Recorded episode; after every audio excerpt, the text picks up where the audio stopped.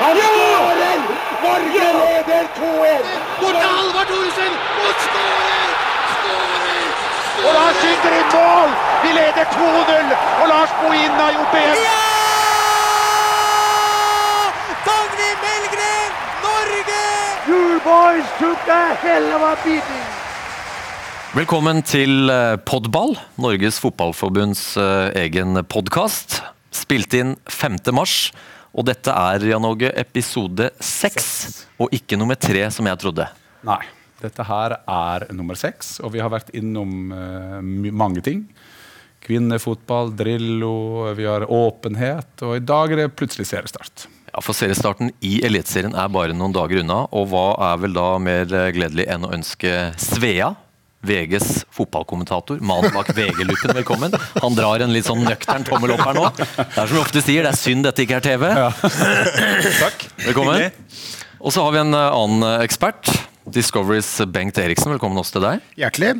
Vi sitter nå da rundt det som var eh, TV-studio forrige sesong, så du er eh, på hjemmebane, Bengt. Fryktelig usikker, for du sitter her jeg har sittet 4000 ganger. og her sitter Karsten som regel, men eh, jeg skal nok finne ut av det. Du er på heimebane. På heime- Vi må jo begynne med å si heimebane. Ja, det er sant. Spilte inn i Ulsteinvik. Jon Carew, eh, vår venn eh, Ane.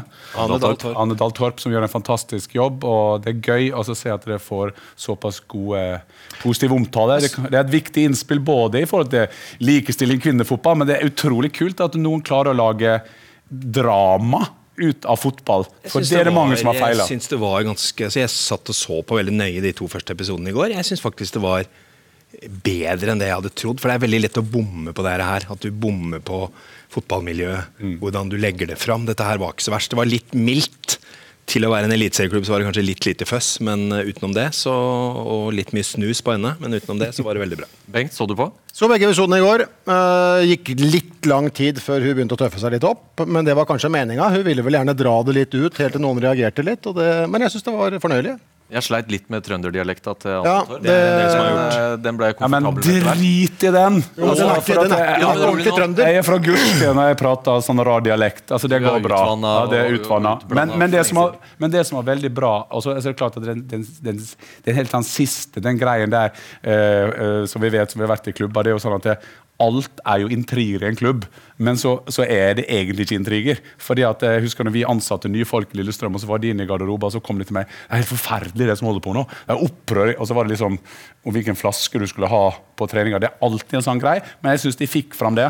Og jeg er jo veldig stolt over at de fikk det til i Ulsteinvik, naturligvis. Ja, men ekstremt lite troverdig, da. Med, med fem i tverrleggeren på huet, med det dårlige tilslaget. For jeg har ikke sett maken til dårlig tilslag.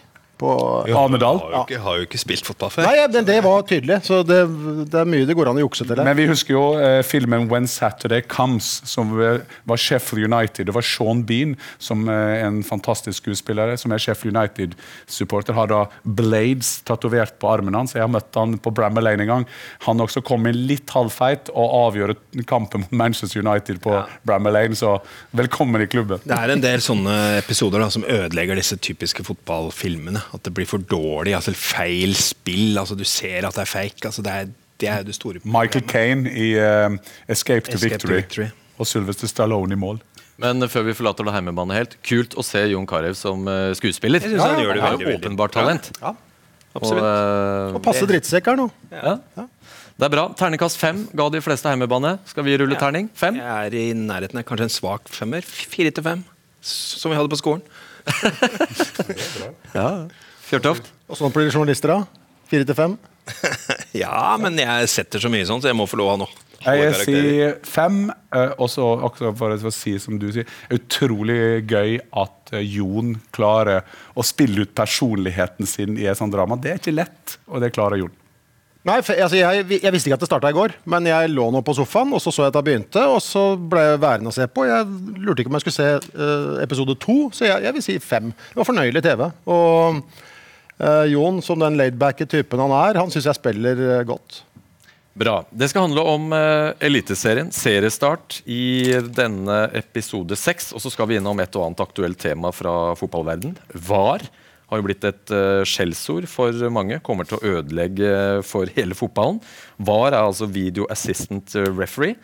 prøvd med blanda hell, må vi vel kunne si. Det skal vi innom. Og så har vi jo eh, en eh, herremann med navn Sørloth som plutselig havna i Premier League. Skal spille i kveld mot United, hvis han får tillit. Vi har en Joshua King som ikke lot seg syke ut av eh, en eh, dansk eh, siste skanse. Så vi tar en, et sveip via Fotball-Europa og ser hvordan det står til med, med våre. Men vi starter med Eliteserien. Ranheim-Brann lørdag 10. mars. Det er første kamp ut. Og for å starte med å dvele ved kalenderen og seriestart, er det for tidlig, Svea? Altså, hvis du ser ut av vinduet, så ser du jo det at det sånn sett er for tidlig. Um, for meg så er jo noe av problemet at den gangen det her ble diskutert om det skulle starte tidligere, så var det faktisk et poeng, for da hadde vi en mulighet til å kanskje gjøre det litt bedre i annen del av spill i Europa. Nå er jo det omtrent sjanseløst uansett. Så nå mener jeg faktisk at det er enda mer meningsløst enn det har vært. Nå mener jeg faktisk det er viktigere å spille mye mer sammenhengende på sommeren for å være enda bedre til å kvalifisere seg inn i. Ha en stor fordel der med å kunne være i bedre form enn alle andre og komme seg inn i et sluttspill. For det som skjer etter jul, der er vi ikke Altså Når FCK med sitt fantastiske lag tapte bare én kamp i gruppespillet, men ikke klarte å komme videre, så tror ikke jeg et skandinavisk land, lag har sjanse til å gjøre det på så lenge vi kan se fremover. Så Derfor så mener jeg det er egentlig litt meningsløst å begynne så tidlig. De to landskampene, vi, vi kan ikke ta de hensynene. Det vi også veldig lett glemmer, er publikum. Hvem gidder å stå i en snøhøv og se på? Altså Banene blir sikkert fine, og alt sånn, men hvem, er det som, hvem har egentlig lyst til å stå ute og se på dette her? Men 10. hvis, mars. statistikken viser jo at det åpenbart vil stå ute og se på. for Det det, er, det er flere ikke tilskuere både i mars og april enn i, i mai på visse Jo, flere men gjennomgangene. dette her har jo noe med hva er, hva er hyggelig med det? Det er jo ikke det. Det er ikke noe hyggelig å stå på en fotballkamp og fryse hele tida. Men er ikke det en konsekvens av at vi skal spille ball i Norge? Jo, men hvorfor Vi klarer å stå i Jo, men- timer i Kollen. Det Ja, men er hvorfor kaldt. spiller du ikke fotball når alle kan gå i shorts? Da er det jo stengt alle Da kan det, det er være, da kan det være et VM-sluttspill eller et EM-sluttspill. Men det er jo alltid sånn. Men annethvert år så kan du i hvert fall spille hele Men til den pausen, eh, fordi norske klubber, norsk toppfotball og NFF har jo sagt at vi må optimalisere forberedelsene for lag som skal ut i Europa. Derfor tar de i 2018 en pause i Eliteserien etter VM. Men du vil jo egentlig ha det motsatte. Du Du vil at de skal spille kamper og ha Men du tettere må være best mulig forberedt til kvaliken. Du må først og fremst tenke på at du skal inn dit, og der har vi en fordel som har spillet vår høst. Der sier. Rosenborg og de andre at vi vil ikke ha en eliteseriekamp to dager før vi skal ut i e-cupkvalik. Det ødelegger mulighetene for å gå inn i Europa. Kanskje ikke to dager før, men eh, du kan spille ganske tett opp for å få best mulig kamptrening. Det må jo være det viktigste der. Men, men hvis vi skal optimalisere Du, du sto i vinduet og kikka ut, og jeg, vært ut, jeg, jeg gikk ut en tur. Jeg. Eh, og nå har jeg sittet på Valle, jeg har sittet på Marienlyst de to siste helgene. Jeg sitter og dirrer, men det er nå greit. Det kommer vi til å gjøre uansett hvor tidlig. Men vi skal optimalisere. Hvorfor spiller vi ikke da som resten av Europa? da? Hvorfor spiller vi ikke vår høst, vi også? Eller høst-vår? For dette å strekke ut denne sesongen, det blir kaldt åkke som, men det blir ikke optimalt. Det optimale da får ikke du sommer likevel. Eh, nei, nei, nei, nei, men nei, vi, vi, vi har jo sagt nei takk til å spille om sommeren. Uh, fordi vi skal være rusta til kvaliken. Men det er vel bare, er det ikke bare Sverige også som holder på med, med innenfor kalenderåret? Russere har holdt på med det for noen år siden. De har lagt om, de også. Så hvis vi skal matche disse andre lagene, så foreslår jeg at vi legger oss på høst-vår igjen, som vi gjorde før 1963.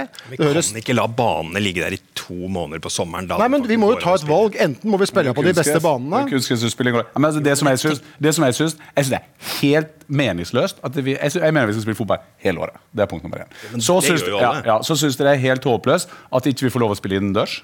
Altså, Hvorfor ikke kan vi spille i LSK-hallen? Og så kan man si ja, det er bare 3500 tilskuere. Ja, whatever. So f what? Jeg synes det er helt meningsløst. Nå I desember slutter vi, og så begynner vi igjen i, i mars. Det syns jeg er helt greit.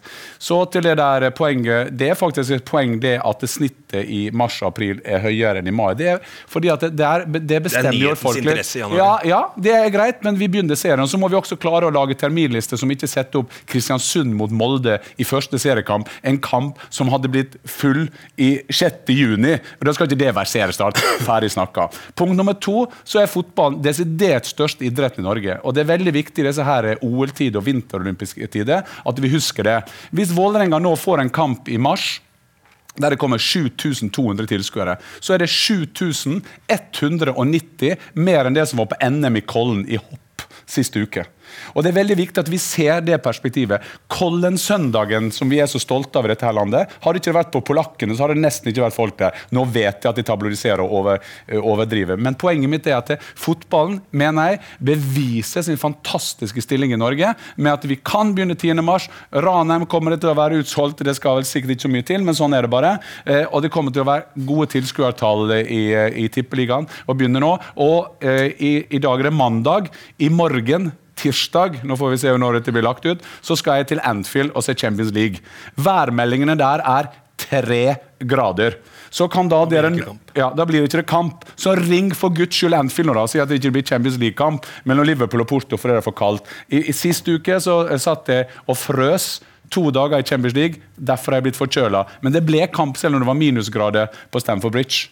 Er ikke det et poeng Svea, når selv England, Tyskland, Italia, de største ligaene av og til må både utsette og avlyse kamper? Mitt favorittlag i England, Tottenham, jeg så ikke ballen til slutt for en uke siden i FA Cup.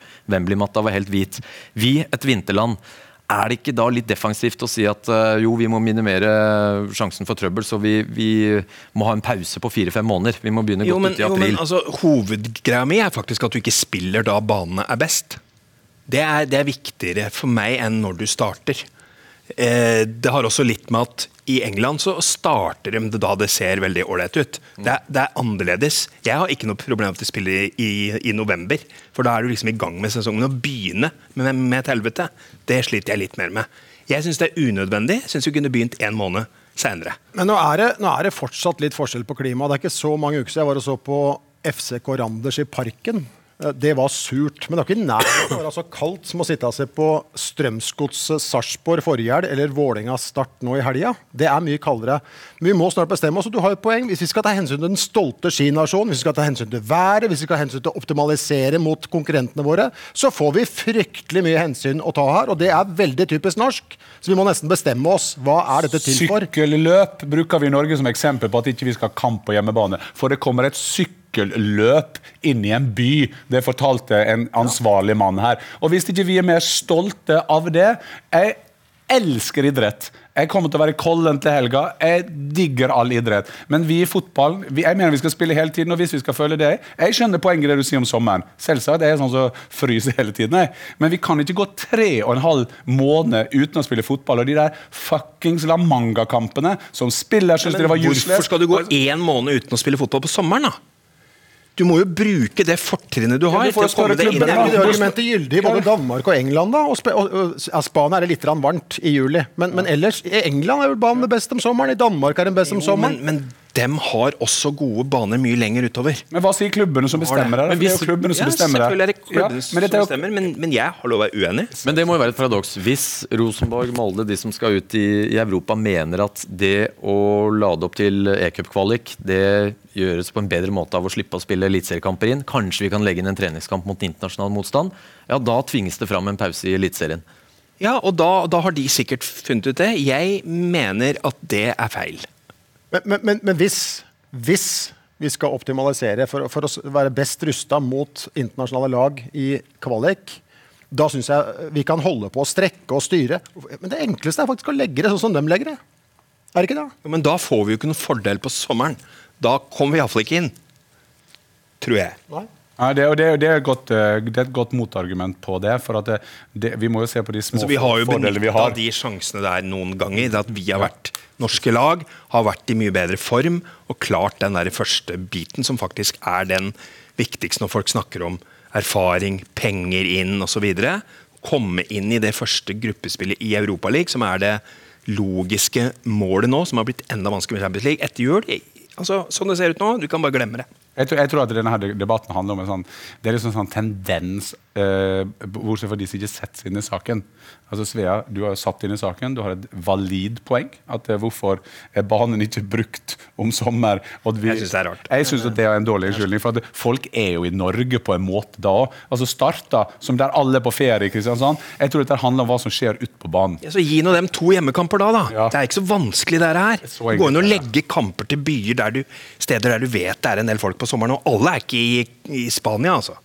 Alle er ikke det. og Det har noe med kultur å gjøre. Du må bygge det på nytt. Vi spiller på sommeren, for da kan folk gå med is og shorts.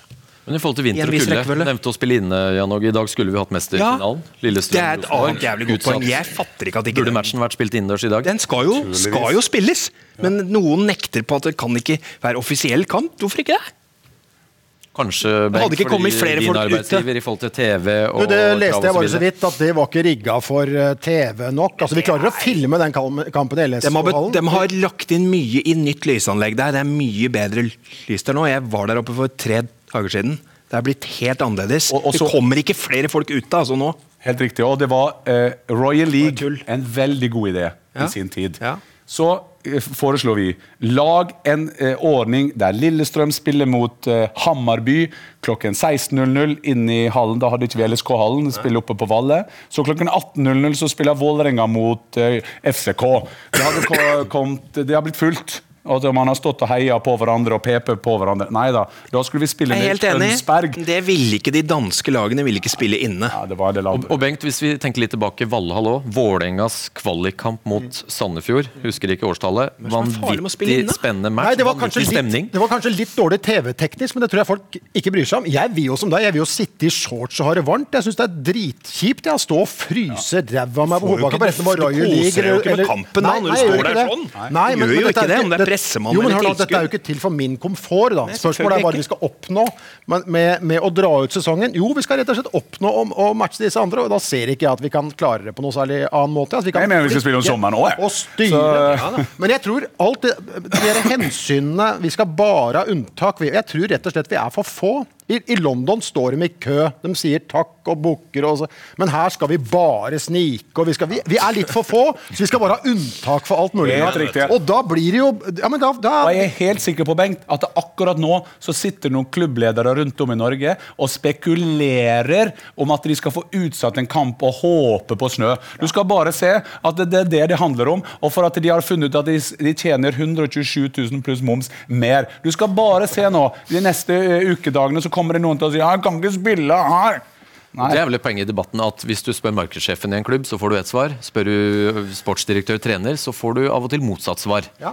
Ulike Og hensyn, hvis du spør sport supporterlederen Riktig. Det har litt å si, det, og stemningen, rammen rundt en kamp, har faktisk litt å si. Selv om noen glemmer den. Ja, og da jeg var småguttspiller, så hadde vi en trener. Han var gud, han bestemte. Foreldra kunne til nød kjøre. Når du er småguttrener i dag, så må du ha en hele politbyrå for å sette inn en spiller og ta ut en annen. For i dag skal alle foreldre bestemme alt Helt hele tiden. Blir ikke noe greie på det. Vi har blitt dårligere, jeg bare nevner det. Det kan være at det er noe av årsaken. Ja, Deilig Kan høre så mange her, altså. Hvis dere hører sånne dunkelyder, Ja, så er det det er bare Bengt er- som ja. Ok, skal vi la kalenderdiskusjonen eh, ligge, og så Nei. Den, den vil nok komme opp igjen. igjen. vil nok komme opp igjen. Overtid første gang. I morgen, onsdag. Den tror jeg lever fint videre, uten at vi Og så kommer Sol til helga, så har alle glemt det. Ikke sant. La oss snakke om uh, VG-loopen, som Svea er en av flere bak. Uh, du har jo noen ledige plasser igjen. Jeg har sett at du ikke har uh, satt opp Rosenborg, Molde, Strømsgodset. Det er kanskje ikke verdens største bombe om de havner topp tre i en eller annen rekkefølge. Det Kan være Tete Andersen nummer 14. Ja, det kan, kan hende. Vi får se om du har vært Det ved dine fulle, fulle fem.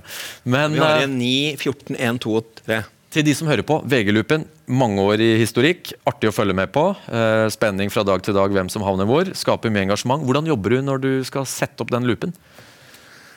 Nei, altså Den sesongen her så valgte jeg å gjøre det veldig annerledes. Sånn, eh, nå tenker jeg mer sånn reportasjemessig. Jeg har reist rundt og besøkt alle klubbene. Før så har det stort sett vært La Manga laga noe sportslig. Nå har jeg prøvd å dyrke det spesielle med meg klubb. En historie, en bakgrunn for noe. Tannbørsten til Bodø-Glimt, f.eks. Hva faen er det for noe? Ja, fint. Eh, og så videre. Så jeg har forsøkt å gjøre det. Eh, det andre er jo en rein analyse. Sette lagdeler opp mot hverandre. Se kamper, se nye spillere, snakke med folk. Eh, det er ikke noe hokus pokus der. Dette har vi gjort, jeg og Geir Uva har gjort det her i såpass mange år. At vi har den kulturen inne. Vi vet akkurat hvordan vi gjør det. Så er det akkurat like vanskelig hvert år. Og det folk glemmer litt, da, det er at når vi Vi kan ikke hunche på et lag, fordi det må begrunnes med et terningkast på hver lagdel. Så det er mye vanskeligere å ta en sjanse, da. Hvordan traff du i fjor? Som vanlig ganske dårlig. Jeg traff på ligamesteren og traff på et par andre òg, men, men det var jo sånn generelt sett, i hvert fall altså i bunnen så Kristiansund var vel det som var Nei, mest vi hadde den på kvalik. Og det, hadde det, ja. det kunne godt ha skjedd. Eh, Sandefjord kunne fort ha rykka ned, men de gjorde det ikke. Altså, altså det er også folk som kritiserer at jeg glemmer at dette er et tips. altså Folk blir forbanna når laga blir tippa et eller annet sted. Sånn, det har jeg aldri skjønt. Men er ikke det litt bra òg? At du har et sånt engasjement? jo, jo, litt, litt avhengig av graden av å men ikke å bli sint. Nei. Du Altså, bli, får jo mange sint på at en har tippa laget ditt på et eller annet sted. Det skjønner jeg ikke sinte for alt. Så. Ja, jeg blir sint hele tida. Jo faen, og du kan ingenting, og du tipper. Så tenker jeg, Er ikke det fint å bare bli tippa litt lavt, eller et eller annet? da? Det Men det er, jo, det er jo noe av det mest uh, fornøyelige og veldig fin uh, journalistikk som, uh, som lages hvert år når det gjelder fotball. som skødder så mye. Jeg tror jeg så på Lillestrøm. Jeg tror ikke det har truffet på Lillestrøm på ti år. Jeg tror snittbommen var på fire plasser. Eh, men like fullt så leser vi altså vi leser denne tabellen eh, før noen av 240 kamper er spilt. Det er jo helt umulig å treffe på dette her. Men det gir også en fin bakgrunn, det gir en viss interesse, så all ære til deg og Juma. Det er jo mye mer informasjon som Ja, det er masse- masse fint der. enn akkurat Jeg fant- tipset. Men det er jo, ja, altså, jeg er helt enig, og så er det en bakgrunn. Altså, jeg ser at det, hvordan jeg leser VG-loopen, men det er jo faktisk for å oppdatere meg. Ja, ja. Eh, og jeg Det er vet, også og jeg, og jeg, meningen, ja, jeg vet at det er fagfolk, og jeg vet det er folk som ser uhorvelig mange kamper. Jeg ser en kamp i ny og ne. Og der å følge med lagdelene hva, altså Formasjon ok, det kan skifte etter 40 minutter i første kampen, men likevel, du vet hva som er grunnpakken. Det gjør det mer interessant å se fotballkampen. Eh, pluss å se nye profiler som hvert år dukker opp i Tippeligaen. Det er også, bare for å si det, så har det også blitt vanskeligere de siste årene pga. overgangsvinduet, som da ikke er stengt når vi skal lage loopen. Så det er klart at Stabæk, for eksempel, da, som pleier å vente til alle andre har handla ferdig før de skal, så henter de inn sju mann. Hva faen gjør du med det? Altså, vi, kan ikke, vi kan ikke se inn i kula og tenke at de kommer sikkert til å hente noe. Vi må bedømme ut fra det vi ser der og da. Vi har jo faktisk vurdert om vi skal ha en ny lupe på sommeren for, eksempel, for å liksom fange opp det, men da kommer det nytt overgangsvind. Så det er fryktelig vanskelig. Men eh, engasjement er innmari fint, men ikke bli sint. Nei, men jeg, jeg leser noe som Jan Åge. Oppdatering og det jeg ikke får sett. I fjor var jeg sammen med La Manga, det har jeg ikke vært i år. Men det er klart at hvis du freser over at laget ditt det står sju for, i stedet for seks, da får du rett og slett få hjelp til å komme deg til bedriftslegen. Altså, det er, for da er det noe alvorlig feil. det- det er det er jo ikke det han, bru- det ikke det han skal brukes til denne her. Nei, Det er så fetteren min sier når vi sitter og diskuterer, så han er Liverpool-fan. da. Og så sier han, Liverpool er beste lag i England. Og så vet du hva, uansett hvor ja, men, jo, men, ja, men det er, måten, ja, men det er mange som sier sånn, og han er jo bare 17. Men altså, det er jo mange som sier sånn, så sier, men uansett med respekt, det er helt umulig i år å si at Liverpool er bedre enn Manchester City. For det har de faktisk funnet opp noe som heter tabell. Og det, og det er ganske interessant. Det var et dårlig, dårlig taktisk valg også, da, hvis man legger tabellen til grunn, særlig i år. Men du har jo delt ut da nedrykksplassene til eh, Ranheim og Sandefjord, vel? Ranheim fra Vi har- skrytt av de før. Ja, ja, men altså- altså- Litt ros, som Altså, det heter. Svea. Pare det, det er jævlig viktig. Det er faktisk det viktigste som blir Vi har diskutert Det er språk før, nemlig. Ros Ikke, ikke skryt, for det er feil. Det er overdreven eh, ros. Hvis du vil ha det, så er det heller. Du liker ikke å hylle heller. Men fortjent ros til semiproffe Ranheim Eh, at de tok steget opp. Men du spår de rett ned igjen. Hvorfor? interessante er jo at du i det hele tatt klarer å komme helt opp med det konseptet der. Med så altså, to, altså, Som lag nummer to i byen, uten noe særlig publikum, uten noe særlig penger, eh, velger å satse ba, egentlig bare på lokale spillere, så klarer du faktisk å gå helt opp. Det er jo det imponerende her. Det er sterkt gjort. Jeg tror ikke det, altså Sånn vi har sett det, så er ikke det nok til å holde seg der 30 kamper mot dette her. Det tror jeg blir for tøft. Men de slår helt sikkert Rosenborg 1-0. Altså, det, det kan få de Det kan det godt være Helmersen skårer vel, han. Ja, ikke sant? Uten korsbånd. Han blir vi jo ikke kvitt, forresten. Han uh, dukker jo opp igjen hele tida. Men jeg, jeg, jeg, jeg, jeg var helt sikker på at jeg kom til å være den siste uh, treneren av et amatørlag i norsk divisjon. Det var Skeid i 1999. Så kommer altså Ranheim nå. Og jeg syns det er fantastisk morsomt. Og da, da ser jeg litt bort fra at det kanskje ikke er noe kvalitetstegn. Men jeg syns det er kjempemorsomt Ja, at det er et så lokalt lag hvor så mye kompiskap og driv kan faktisk føre deg. Så jeg håper det går bra. Men de kommer til å møte noen sånne utfordringer som, som vi møtte for 20 år siden. Det blir dobbelt så mye av alt. Og de hviler altså halvparten og trener halvparten av konkurrentene sine. Og over tid så skal jo ikke det kunne gå. Men ære være Ranheim. Men leder nok Eliteserien lørdagskveld. Men Sve, de, du som har vært tett på alle klubbene i oppkjøring her, skal de fortsette akkurat som i fjor med å ha semiproffe spillere som jobber eller studerer? utgangspunktet, ja. De har ikke tenkt å gå på noe akkord med noen av de prinsippene de har satt opp her. da. Eh, De skal være lags slags Rosenborg Light sånn spillestilmessig. Det skal være et lag av og med og for trøndere. Eh, De har ikke tenkt å kjøpe seg i hjel og bruke masse penger på høye lønninger, innkjøpte spillere osv. Det har de ikke tenkt. Kan det ligge en survive-mulighet i at de nest beste i en Rosenborg-stall blir eh, lånt ut og plutselig blir uh, Ranheim-spillere underveis? Du har de, jo en del som har vært innom Rosenborg der. Ja. Og som sagt, han spissen Helmersen, som da antageligvis hadde vært ganske nær en plass i Rosenborg uten alle de skadene. Han er et kjempetalent som spiss, men han har jo ikke kortsbånd igjen. Men, men jeg, jeg, tror, jeg, jeg, tror mye mer på den laghånden. Altså, ingen, ja, kanskje Norge, ingen av oss hadde hørt om Østersund. Eh, Nei, ja, ja, men de driver altså helt alternativt. Og de har, de har, de har slått Du Arsenal. langt med det. Men det, men det er forskjell, fordi at Østersund har nesten bare kjøpt inn spillere. Ja, det- det har ikke. Ranheim gjort, Det har men det er litt samme utgangspunkt. Ja, og, og Ranheim har ikke den muligheten. For bare tenk på alt det praktiske. da Du rykker opp altså i november, eh, og uh, fire måneder etterpå så skal du si til de 20 spillerne at forresten, alle dere skal bare si opp jobbene deres. Altså Det, er jo en, det går jo ikke an. Det er praktisk. Og så rykker du ned kanskje i november. Ja, for de ville jo bare sagt at sorry, men da må, jeg, da må jeg kutte ut fotballen hvis jeg er nødt til å si opp jobben min, for det tør jeg ikke. For vi kommer jo sannsynligvis til å gå ned her, og vi har knapper og glansbilder og litt bensinpenger eller et eller annet sånt nå, så, så det funker jo ikke. Og Ranheim kunne jo ikke tatt den risken, sannsynligvis. Så, så det, er ingen, det er ikke noe option det å si dere burde nå bare blitt proffer over natta. Det er, jo, det er jo spillere der som da studerer eller jobber på kveldstid, f.eks. Men det er jo ikke noe problem altså bare som det er sagt, det er ikke noe problem å studere og så trene like mye som de andre eliteseriespillerne. Jeg tror nesten, jeg, ja, jeg tror jeg nesten nå kjenner jeg amerikansk idrett ganske godt. Altså Det går bra an å studere og trene to ganger per dag. Så jeg tror ikke det er noen hindring. Eh, jeg tror mer at det er den der eh, greien som kan være gøy. Nå møter de Brann i første kampen, syns for øvrig er et godt oppsett. Eh, av og til så synes jeg blir helt eh, Eller matt, heter ja, det, det er av oppsettene. Men oppsett. Ranheim Brann det er en god seriestart. Det må vi være enige om. Og der er det sånn at Når Ranheim får første corneren, så er det hiba beluba. De har alt å vinne. Eh, om de er like gode som Kristiansund, det tror jeg ikke. Eh, men vi vet aldri. eh, og De har alt å vinne, og psykologi. Og jeg tror ikke, jeg tror, Det er jo klart det er litt svakhetstegn for Eliteserien at eh, Ranheim rykker opp.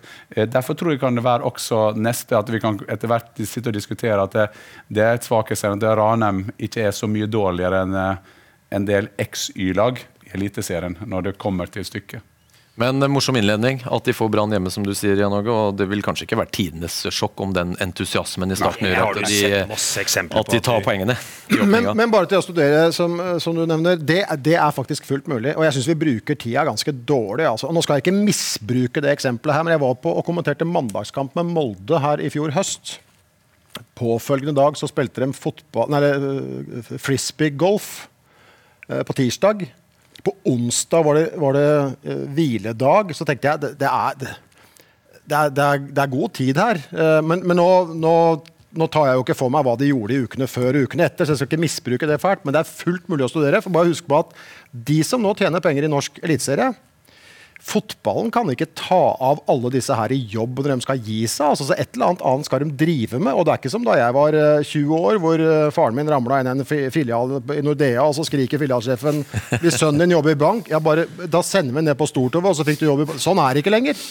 Så vi, vi må tenke litt her nå. For Ja, eh, men jeg tror det er veldig viktig det du sier. Alle kan ikke jobbe i TV! Alle kan ikke jobbe i TV. Det kan heller ikke. Nei. Og jeg tror det er et veldig viktig poeng der, der, der du, du sier at det, jeg tror Hva har de proffene som drar ut av Norge, de har én ting til felles. Om det er kvinner eller det er menn som går ut. De sier vi fikk helt sjokk når vi ser hvor mye de trener. Så det at det en gang så sa vi det at vi var så veldig bra å trene i dette landet her, det tror jeg er en myte. Jeg tror det er måten vi eh, fordeler treningene på. Sånn som du sier, å, vi skal ha hviledager. eh, Og skal vi gå 200 meter, så skal det være et måltid. Det skal stå noen sandwicher et eller annet sted. Og så må vi tøye og inni der. Eh, Og jeg, husker jeg leste intervjuet Per Siljan Skjelbred syns jeg var det beste. For han er jo en, en som trener mye. Han kom fra Rosenborg-miljøet. Altså, jeg fikk helt sjokk når jeg så hvordan mye de trente i Tyskland. Ja. Og, og det samme sjokket fikk altså Kevin Keegan. Han dro fra Liverpool til Hamburger Sportsfra. Ja. Da dro faren min på treningsstudiopphold i Hamburger Sportsfra. Han sa vi, vi, jeg, jeg, jeg, holder på, jeg sovner klokka ni hver kveld. Jeg er helt utslitt. Og jeg, nesten, jeg var Europas beste spiller da jeg dro hit. Jeg trener som en bikkje. Eh, og det må vi rett og slett eh, komme litt tilbake til. At trening er Det er ikke oppskrytt, Altså. Det er bare å begynne. Og så er det intensiteten på trening også. Jeg, jeg har dessverre alt for, jeg reiser jo altfor mye allerede, men det der å få dra oss og se på lag trene Og så tar vi med norske ledere ut, og så ser vi sånn, Jeg skal ikke prøve å parodiere ennå, for da vet alle hvem vi mener om. Jeg skal ikke si, Vær så god. Nei, jeg skal ikke, nei, jeg skal ikke si Nei, det var ikke han. Eh, Men, eh, men så sier de nei, her har vi ingenting å lære. Vi har ingenting å lære. Så klarer ikke vi også å se for eksempel, hvor flinke de er til å orientere seg i forkant. Altså Hodet går hele tiden. Forstå klimaet på banen. Intensiteten i treninga. Jeg var så Guardiola. Første tørst og, touch og orienteringsevne er vel kanskje det viktigste. Helt, og intensiteten generelt. Jeg var så Pep Guardiola og Bayern trene eh, i fem dager i, i et varmere strøk. Vet du hva? Jeg var helt amazed. Altså, alt var i sprint. De spilte firkant, og Pep Guardiola står og coacher firkanten. Det er nettopp det Han han er helt på! Sånn, sånn, sånn, sånn, sånn. Så kommer det på en norsk trening, og nå er jeg veldig veldig generell, men da er det viktig å ha den sandwichen. altså. Og så må vi ha noen sånne ting på oss hele tiden, det er veldig viktig. Og så må vi ha rosiner. For at vi har hatt en sånn hard oppvarming, så må vi ha rosiner. Så den der styret at vi en gang hadde en fordel, det har vi rett og slett ikke. Ok, Vi runder halvtimen. Vi har eh, kommet til Ranheim. det er noen, noen få lag igjen. Nei, Vi skal ikke til alle lag, da. Men uh, Vi nevnte Sandefjord, de tror du også går ned. Men vi tar rett og slett uh, spranget i motsatt ende av tabellen. Du har jo ikke satt opp topp tre, men uh, intet sjokk om Rosenborg troner øverst. Og For å stille spørsmålet hvem byr på tøffest motstand for Rosenborg i år? Bengt? Ja, det er de to han ikke har nevnt, for eh, jeg forutsetter at han har Molde og Strømsgodset på to og tre, eller tre og to. Eh, det syns jeg er klokt, det ville jeg hatt også. Eh, men Molde, var, Molde har noe ved seg, men jeg syns de var veldig ustabile i, i fjor. På sitt dårligste syns jeg de var kraftig dårlig. Jeg kommenterte den absolutt kjedeligste kampen i Eliteserien i fjor. Eh, Molde-Odd. Eh, vi hadde ikke høydepunkter i pausen. Det var ikke et skudd i nærheten av målet engang. Det var altså gudsjammerlig kjedelig. Men de har noe ved seg. Nå har de fått et år til, og jeg tror ikke Ole Gunnar Solskjær var fornøyd, selv om de tok sølv i eh, fjor. Så hadde du Strømsgodset med åtte strake seire, vel, før de tryna i Ålesund i siste matchen. Eh, fantastisk utvikling. De har kjøpt tidlig, de veit hva de skal ha. Jeg var og så dem nå mot Sarpsborg. Det så faktisk bedre ut enn på samme tid i fjor. Eh, men om, om Molde blir to og Strømsgodset tre, det skal jeg ikke ha uttalt. Men jeg tviler vel på om Sarpsborg kommer til å blande seg inn i den medaljestriden med de tre jeg har nevnt nå. Og Svea Sarpsborg har du vel allerede satt på, er det femte? Eh, ja, Ja. det er riktig. Men godset som blir nevnt her, hadde vi lagt siste halvdel til grunn i fjor, så hadde de blitt uh, seriemester. Uh, Men det, det, det, var en sånn, det var en sånn der, det var en oppvåkning i kampen mot Lillestrøm på Åråsen. Da de fikk nok en smell, og da var det jo snakk om å skulle de skulle gå eller ikke. da. Så tok de et oppgjør, og istedenfor å kjøpe spillet, så solgte de. De fikk renska i stallen og fikk en mye tettere stall. Så begynte det å fikk de et par resultater, og så bygde de videre på det. Fikk de satt sammen lag, så kjørte de stort sett samme elveren. Med Geradi bak Markus Pedersen. Eh, fikk til det. Eh, fikk et stoppepar som fungerte, osv. osv. Bugge Pettersen tok seg opp. Så er da spørsmålet Det er veldig lett å tenke at de kommer til å fortsette der, ikke sant? Men det har gått fire-fem måneder Alt for mange måneder. Det Kunne se- gått enda jo, flere jo, jo, jo, men, men altså, det er systemet er sånn, da. Så er det da noen som klarer å sånn, ja. surfe videre på det. Eh, noen gjør ikke det. Så det er, det, er, det er liksom vanskelig å vite om den varer. Men jeg syns spillekjøpene, sånn Stengel, Moss og sånn, tror jeg passer veldig godt inn der. Eh, Pellegrino er kanskje en mer sånn impact player, da. Men skulle du like å spille 4-4-2, egentlig, da har du egentlig et ideelt spisspar. For hvis, hvis du bruker Moss sammen med en litt større, sterkere spiss som gjør litt sånn, så skårer jo han 15, han. Det har han jo gjort. Det har han jo vist såpass mange ganger. Spiller han alene, så skårer han to. Så det er den store forskjellen. Eh, Molde, helt enig med Bengt, fryktelig opp og ned. Vant veldig mange kamper på helt på slutten av kampene. Det er selvfølgelig en fordel. Men den, var, den fikk en del sånn ekstrapoeng som gjorde at den kanskje havna såpass høyt. Og så har de veldig, de har, særlig, på midten så har de så mange spillere som er noenlunde like gode. Det Mista en nøkkelspiller på topp, islendingen. Jo, men de har fått inn Chukwu. Altså han, hvis han står der med den der, og du har Du har altså to andre spisser der, Rustad annet, som har farten osv. Så, videre. så jeg er ikke så, jeg er ikke så bekymra for det. Jeg er mer opptatt av den midtbanen, hvordan du setter sammen den. Og så har du også mange midtstoppere. Hvem skal brukes? Ja, Norge er eh, Skal vi dele ut gullet nå i, i mars til eh, Rosenborg, eller er det Ja, ja, ja.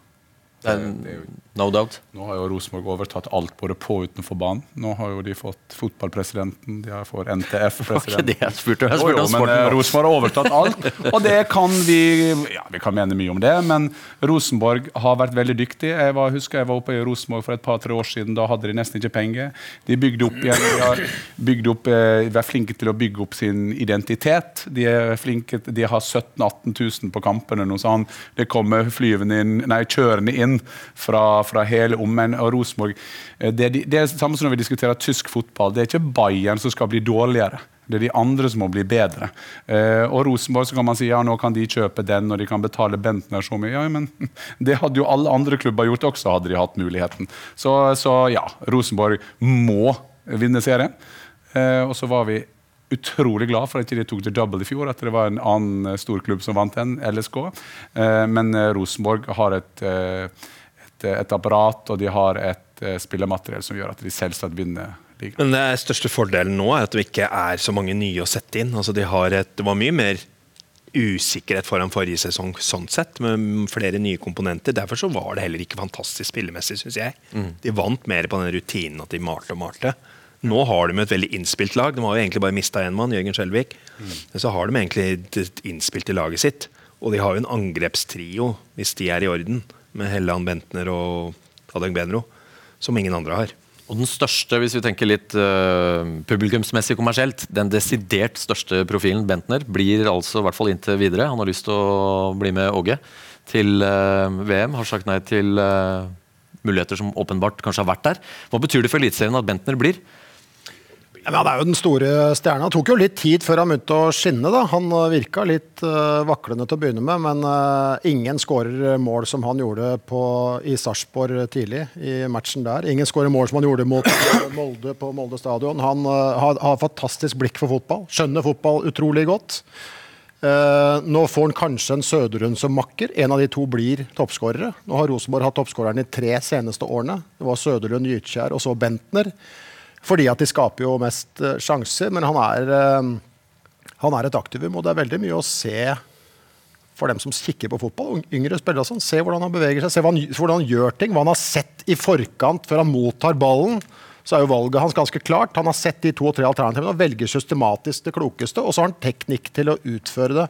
Jeg syns det er eh, en morsom, morsom spiller. Dette er jo en spiller som, Da Rosenborg signerte han, så var jeg ute i Champions League-sirkuset. Jeg lurer på, jeg husker ikke hvor jeg var. Da kom en engelsk journalist for, fra, som jobber for en av avisene her ute, og så sa han han jobb, var for Nottingham. og, så sa, og der kom jo Bentner og liksom, og så sa han på meg Are they fucking crazy? Altså, Hvordan kunne de signere han? Altså, His second touch was a tackle, og han var helt håpløs fyr. Eh, og så sa jeg litt sånn flåsete altså, nå må vi huske at dette her er Eliteserien. Eh, og det, er så, det må, må vi også eh, sette i perspektiv.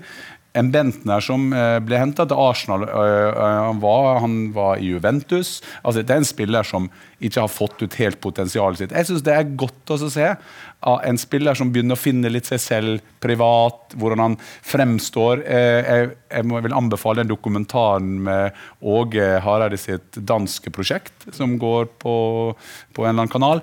Det ligger et sted. Og da ser Bentner at han, nå har han funnet rollen sin. Han har funnet seg selv, virker det som. Jeg kjenner ikke han, men, men, men vi har jo kjent sånne typer, alle som har spilt fotball. Den typen. Eh, Og jeg er helt enig. Som spiss, eh, ser fra spiss til spiss, så er han veldig god på det der. Når holde på ballen, når slå første touch. Når bevegelse, hvordan kroppen er, er stilt. Han er en god læremester for mange spisser i, i Norge. Ja, og det, det vi kritiserte den for, i hvert fall jeg, til å begynne med, var jo de innleggene vi var vant til å se. Så tenkte jeg, skal, skal ikke han starte på det? Altså, Hvor, hvor er Steffen Iversen-genet, som bare stuper inn der? Nei, men det, det var han jo ikke. Men kanskje er det sånn da, at Rosenborg ikke har sett på han som en diva med tatt den på alvor litt ordentlig, og så har han skjønt at kanskje dette her dette er noe jeg trives med. Det gjør han jo åpenbart. Han tok jo endelig et, et godt valg etter å ha tatt en del feil. For det er, det er ikke noe tvil om talentet her. Altså Han blir ikke henta til Arsenal som 17-åring hvis du ikke er god. Det er ikke sjans. Ikke så mange som dem har å velge i. Det er klart det ligger noe her, men så tar det ofte Altså, du tar en del feil valg.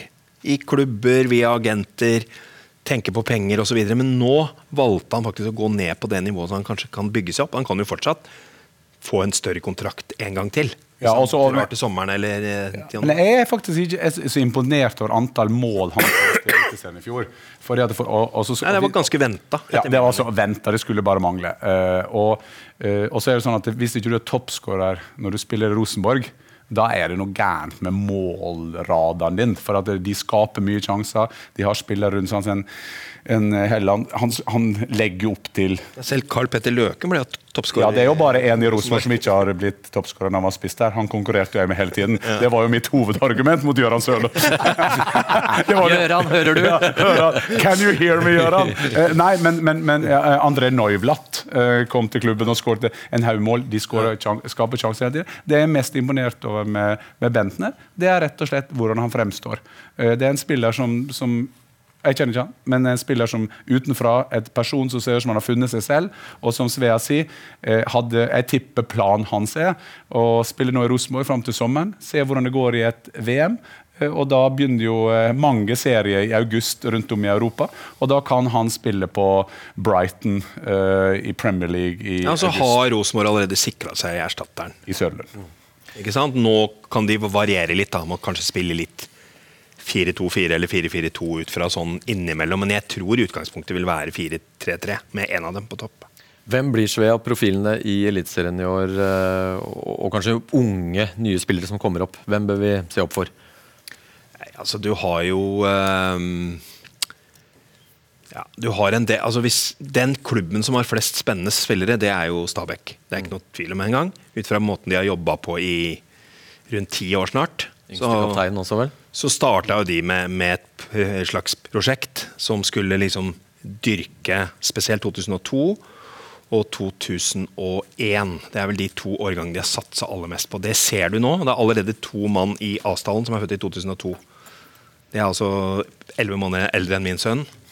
Eh, Det er litt rart å tenke på. Eh, De har bl.a. En, en, en midtstopper som heter Pignatell, som er det største, sies det, det største 16 år gamle stoppertalentet i Europa. Eh, og når du blir satt opp i en A-stall, selv i en litt svakere liga, som midtstopper når du er akkurat fylt 16, har fylt 16 nå i januar, er ganske sterkt.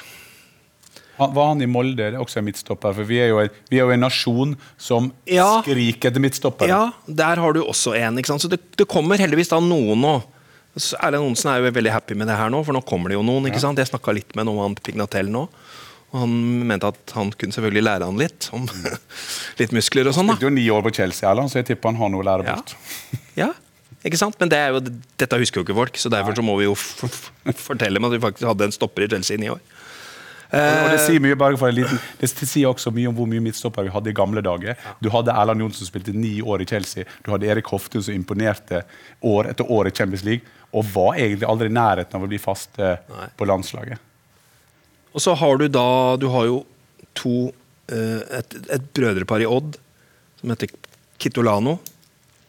Som også er veldig veldig spennende. Han ene er født 2001, andre er vel født 99. Han 99-spilleren kommer til å spille venstreback. Han andre tror jeg kommer inn på laget i løpet av sesongen som indreløper. Han uh, 99-sidebacken Kitolano satt vi og så på på La Manga i fjor. Han var jo gnistrende Ja. god i, mot gode lag der også, men spilte jo veldig lite Ja, men han kommer til å spille mer nå. Ja. Hvem blir den neste Jeg satt og tenkte på fjoråret. Hugo Vetlesen, som spilte for Stabæk, som imponerte oss på midten der. Tekniker med godt blikk. Og, Han kommer til å få en enda mer sentral rolle denne sesongen her hvis ting går som det skal. Altså Stabæk prøver mer og mer å få inn altså Hovedgreia til uh, Tony Odinas er jo å kunne stille et lag med elleve mann fra egen som de har på en måte fått gjennom systemet sitt sjøl. Det tror jeg han kommer til å oppnå, men kanskje han får sju. Det kan godt være. Det ser nesten sånn ut. altså. Jeg kan- så en eller annen statistikk hvor Stabæk skårte kjempehøyt i forhold til å bruke unge, egenutvikla spillere. Interessant den Stabæk-modellen. fordi at det, Hvis vi sitter nå og diskuterer Tippeligaen eh, og- Men den kommer jo igjen en av elendig økonomi. Som det het i fjor òg, ja. Ja, Eliteserien igjen. Eliteserien. Eh, så, så er jo det interessant det Stabæk-modellen, fordi at de er jo ekstreme nedover i Ja. Og hvis vi skal ta den så hva det koster å drive idrett, hva det koster å drive fotball, så er jo det en inngang til at det kan være veldig dyrt. Det kan være, så er det veldig bra for de som kanskje... Det vet jeg alt om i Asker. ja, ja ikke sant? vi vet om det i mange klubber, og spesielt her i Oslo-området. Men hvis vi lar den bare ligge litt, bare at vi registrerer at vi har diskutert det òg, så er det klart at de på toppen får jo de spillerne nå. Og det er bra at vi har klubber som gjør ting litt annerledes, som, som Stabæk eller Ranheim, som vi har diskutert, med forskjellige ting. For det tror jeg er med på å utvikle norsk fotball. Men hadde de fortsatt i Telenor Arena og fortsatt med sånn, den modellen de hadde, så hadde de antakeligvis ikke begynt med det her. De ble litt tvunget til å tenke annerledes, som jo er veldig bra. Men sånn er det jo veldig mange som begynner med talentutvikling. Det er jo fordi de ikke har råd til å gjøre det på noen annen måte. Men, det er, men det, er jo veldig, det er jo veldig rart at det som er mest logisk, skal være det annerledestenkende. altså, det lang tid, vet du, Bengt. Ja, men vi, vi, vi, det er ikke noe quick fix. Og, og tenk deg hvor, Der har vi jo forsømt oss i tiår. Uh, nå sier jeg ikke at mer penger til trenerne i yngres avdeling blir nødvendigvis bedre, men kvalitativt gode trenere på yngre spillere de skal jo være lærere. De skal lære folk å spille fotball. Det er jo den vanskeligste jobben. Den har vi forsømt noe fryktelig. Vi driver og lærer dem oppskrifter, vi. Eh, og det beste bildet på det er jo da, da Ståle Solbakken satt og snakka med Pep Guardiola på det hotellet i Tyskland, hvor eh, ballsida, nei, midtstopperen på ballsida skulle sette offside-linja, og så sier Pep til, til Ståle at det kan du bedre enn meg, hva gjør dere? Nei, Abidal ser på Piquet, og Piquet ser på Puyol, og Puyol ser på Abidal, så løser det seg. Det er jo en helt annen tenkemåte, ikke sant? Mens vi har jo lært om at nei, det er sånn, og når det er sånn, så skal det bli slik. Sikring på sikring på sikringen. Ja, Ok, Kampuret viser 45 minutter. Det, det Vi- vi har lovt var. Ja, så vi kommer til å sprekke. Jeg skal bare fortelle lytterne at vi holder på sikkert en time og, og Til. En time til. Men tre, før vi forlater loopen, Eliteserien 2018, tre klubber som eh, mange kanskje forventer at er der oppe. Vålerenga, Brann, Odd. Ja. Du har jo fordelt de allerede, vel? Samtlige tre lag? Det er vel Brann 4, Vålerenga 6, Odd 8.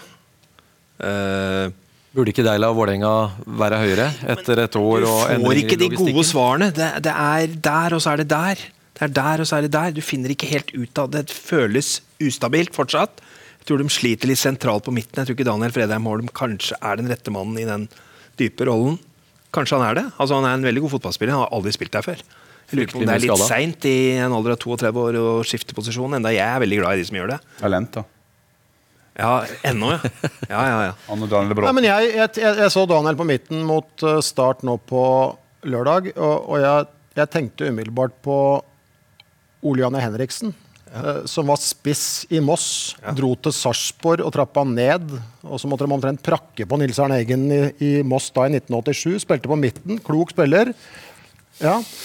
Men, men, eh, og, og sånn er Daniel litt òg. Men det jeg så på lørdag, det var to ting. Det ene er som du sier, han, han, han, blir en del skada. Han begynner å dra på åra. Det andre er at hvis han spilte 500 meter pasning i første omgang, eh, så kan ikke 450 gå på tvers og bakover, altså, for da blir det ikke noe særlig greie på det.